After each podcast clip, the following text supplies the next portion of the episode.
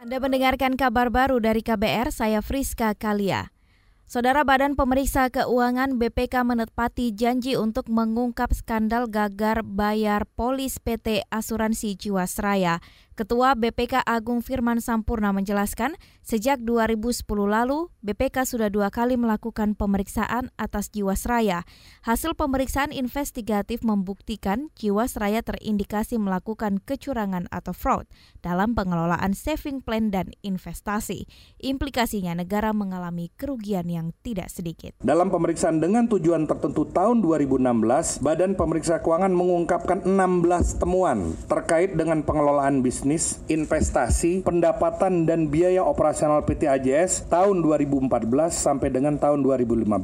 Menindaklanjuti hasil PDTT tahun 2016, BPK melakukan pemeriksaan investigasi pendahuluan yang dimulai di 2018. Hasil pemeriksaan investigasi menunjukkan adanya penyimpangan-penyimpangan penyimpangan yang berindikasi fraud atau kecurangan dalam pengelolaan saving plan dan investasi. Ketua BPK Agung Firman Sampurna berjanji besaran nilai kerugian negara masih akan terus ditelisik secara intensif. Agung optimis dalam dua bulan ke depan akan ada fakta baru terkait skandal penyimpangan atau kecurangan di Jiwasraya. Sementara itu, Saudara Jaksa Agung ST Burhanuddin menargetkan dalam dua bulan ke depan pelaku yang paling bertanggung jawab atas skandal penyimpangan di PT Asuransi Jiwasraya bisa diungkap ke publik. Burhanuddin mengatakan skandal itu sangat besar karena terdapat lebih dari lima ribuan transaksi investasi dan saving plan. Akibatnya negara menderita kerugian yang tidak sedikit. Transaksi yang terjadi itu hampir 5.000 transaksi lebih dan itu memerlukan waktu. Tidak bisa aja kita tidak saya tidak ingin gegabah dan teman-teman dari BPK sangat membantu kami ini dalam rangka pengungkapan. Kenapa?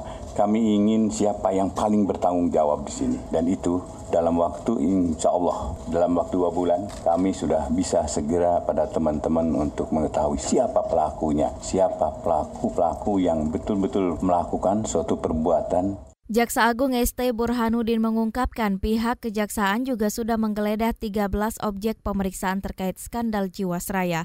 Burhanuddin memastikan Kejaksaan Agung akan bekerja maksimal untuk mengungkap pelaku. Beralih ke informasi lain, Wakil Presiden Maruf Amin meminta Cina untuk menghormati kedaulatan wilayah Indonesia dengan meninggalkan zona ekonomi eksklusif yang dimasukinya.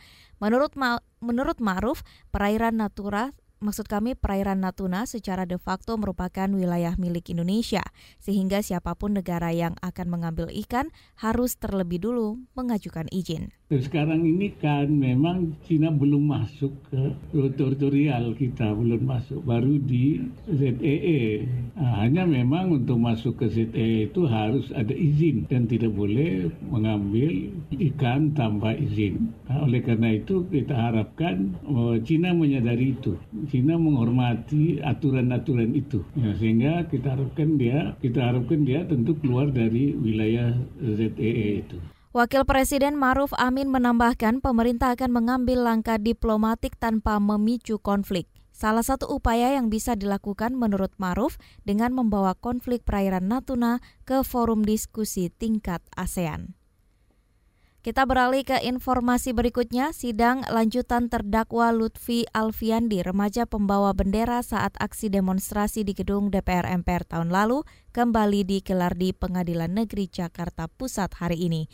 Informasi selengkapnya kita simak laporan jurnalis KBR Heru Haitami. Saudara sidang lanjutan terdakwa Lutfi Alfiandi, seorang remaja pembawa bendera saat aksi demonstrasi di gedung DPR MPR kembali digelar hari ini. Sidang yang seharusnya dimulai pukul 13 waktu Indonesia bagian Barat itu diagendakan dengan mendengarkan keterangan saksi kunci dari penuntut umum. Namun sidang dibatalkan lantaran saksi tersebut tidak hadir dalam persidangan dengan alasan sedang dinas luar kota. Dikatakan kuasa hukum Lutfi, saksi yang akan dihadirkan jaksa penuntut umum merupakan seorang anggota kepolisian yang bertugas menangkap Lutfi pada saat kejadian berlangsung. Kuasa hukum Lutfi Sutradewi mengaku kecewa atas ketidakhadiran saksi yang dinilai merupakan saksi vital untuk nasib Lutfi. Sementara itu, hakim menyatakan persidangan selanjutnya akan digelar pada 15 Januari atau pekan depan dengan agenda menghadirkan saksi ahli dari pihak terdakwa.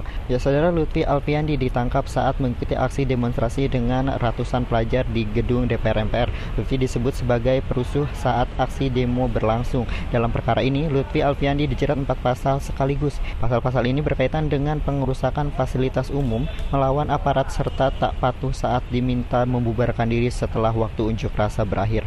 Demikian dari Pengadilan Negeri Jakarta Pusat, Heru Hetami melaporkan. Demikian kabar baru dari KBR, saya Friska Kalia.